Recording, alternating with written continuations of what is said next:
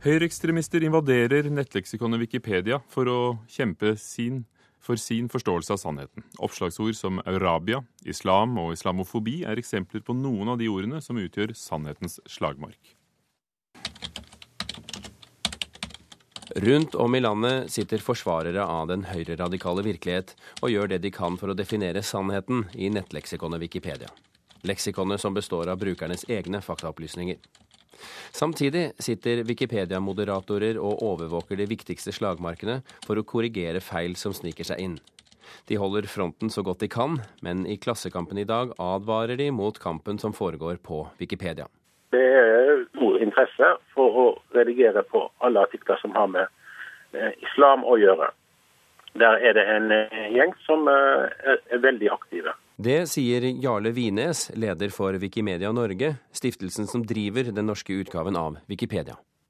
Det er i utgangspunktet fritt å redigere artikler på Wikipedia, men leksikonet har også folk som sjekker alle endringer, særlig på dette feltet. Og i verste fall låser de artiklene slik at de ikke kan endres. Det blir gjort i enkelte tilfeller at de låser. Ellers er det patruljering. Vi har faktisk 100 eh, stykker som patruljerer artikler hele tiden. Og eh, veldig ofte tar det bare noen sekunder før eh, noe feil er retta opp. Men selv om Wikipedia føler at de har kontroll, søker de nå etter flere som skriver artikler på nettstedet.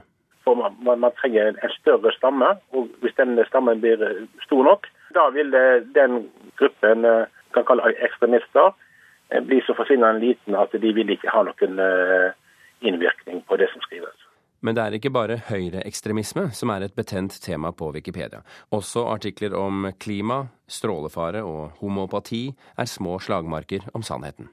Professor i informatikk ved Høgskolen i Molde og Universitetet i Bergen, Kai A. Olsen, er ikke fullt så bekymret for Wikipedias fremtid som Wikipedia selv det engelske Wikipedia, som er veldig stort og veldig mye brukt, og der det er veldig mange som er inne og redigerer, der er det nok ingen fare. I i mindre språkområder som det norske kan det være en fare. Men tror du at Wikipedia har eh, evne til å, å vinne kampen om sannheten? Altså Hvis noen hadde nevnt ideen om Wikipedia til meg i 1994, når de kom, så ville jeg sagt at det her kommer aldri til å virke. Nettopp for at enkelte grupper som eh, høyreorienterte miljø og andre ville ta over. Men det har jo virket. Det har jo virket i veldig mange år. Og det virker egentlig bare bedre og bedre. Så jeg tror vi bare skal bøye oss i støvet for sannheten. Dette er et system som fungerer. Folk er virkelig villige til å gå inn og redigere. Det er helt imponerende at det har fungert. Sa og mente professor Kai Olsen, og intervjuet var vår reporter Birger Kolsrud Jåsund. Helge Jorheim, leder for forskningsprosjektet Kultrans ved Universitetet i Oslo, og spesielt et forskningsprosjekt om nettopp leksikonhistorie.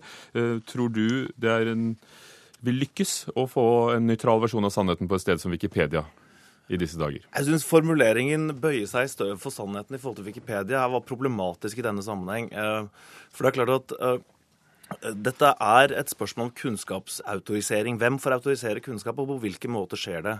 Uh, og jeg syns det er imponerende egentlig at Wikipedia går ut med en sånn bekymringsmelding i dag for å si at dette er ikke noe vi har helt kontroll over. At de kan få kontroll over det, og at dette ikke delegitimerer Wikipedia for all framtid, det er åpenbart. Men at de nå har et problem som illustrerer et av de grunnleggende problemene ved Wikipedia som leksikon. Et problem som lukkede databaser for kunnskap ikke har. Nei, ikke på samme måte. Nå er det klart at Autorisering av kunnskap, hvem bestemmer hva som er sant, vil alltid være et problem. Det er jo ikke sånn at, uh, at heller professorer eller folk med, med, formell utdannelse innenfor et felt sitter med den absolutte sannheten. Det vet vi jo. Men det å gjøre sannhet til et sted for ideologisk kamp, er jo høyst problematisk når det blir så intenst. Og, så, uh, og det løper jo i real time, dette her. Er du overrasket over at uh, Breiviks meningsfeller kjemper om definisjonsmakten på Wikipedia?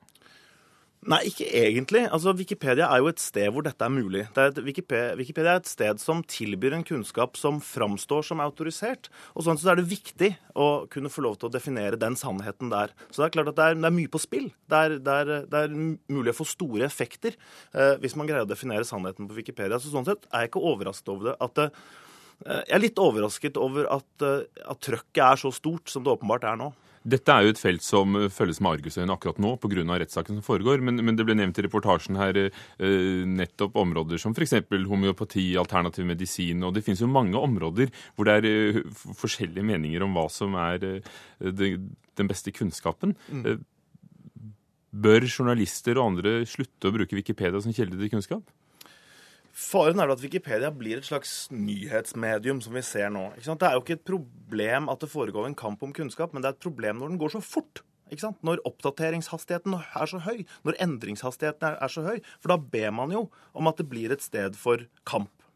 Eh, og det, gjør, det, jo, det, vil jo si at Går man inn som journalist for å finne informasjon, så vet man ikke helt i tid hvor denne informasjonen hører hjemme. Er den umiddelbart oppdatert? Man kan gå inn og finne det ut, men det gjør man jo sjelden i den sammenhengen. Sånn at det vil jo, det vil jo være en, en, høy endringstakt, sånn at du vet ikke helt hva informasjonen du får til enhver tid er, og hvordan den er autorisert. Men det er kanskje enda mer risikabelt på områder som ikke er så i søkelyset, hvor eh, endringer foregår i det stille, og så når du plutselig skal slå opp det du er interessert i. Da, så ja, det kan du si. På den annen side så er det vel det flotte med Wikipedia er at, du, som, at du, du, utnytter det faktum at det er mange mennesker som er opptatt av veldig eh, ja, rare ting, eller som ikke ligger i hvert fall midt i offentlighetens interesse. Men Helge Jørgen, hva er du opptatt av, og hvordan står det til med den informasjonen på Wikipedia når du leser det? Uh, jeg bruker Wikipedia. Jeg er opptatt av uh, tyske forfattere og kultur og sånn. Og jeg bruker Wikipedia da for å finne ut uh, fødselsår, hvor, når kom hvilke bøker ut. Jeg bruker det for å gå inn og finne faktisk informasjon som jeg tenker ikke er uh, kan, om, kan være omdiskutert på samme måte. Jeg går der for å finne for å finne fakta. Det jeg tenker som er enkle fakta. Nå er Det klart at det er naivt av meg også, man spørre hva, hva er enkle fakta i denne sammenhengen. Men uh, Sånn sett så står det jo veldig bra til. Den funksjonen fyller det jo flott, for, for også på, på, mine felt. Men hva er den beste medisinen da mot feilinformasjon? Den beste uh, medisinen tror jeg er å, å, innse at Wikipedia har noen veldig store styrker. For dette noen... finnes, Alle kommer ikke til å gå på Britannica eller Store norske? Nei, nei, nei, nei, virkelig ikke. virkelig ikke. Og det er klart at så, så, så, kan man da si at vi må utvikle en sunn form for skepsis med å vite hva slags eh, informasjon vi får, og hvordan vi kan bruke den. Men det er, det er ikke så lett, altså. Det tar nok litt tid før alle, fra liksom mine egne barn og opp til eh, voksne mennesker, har utviklet den form for kritisk sans som trengs for å navigere på dette feltet her. Helge Jorheim, leder for Kultrans ved Universitetet i Oslo. Takk for at du kom til eh, Kulturnytt.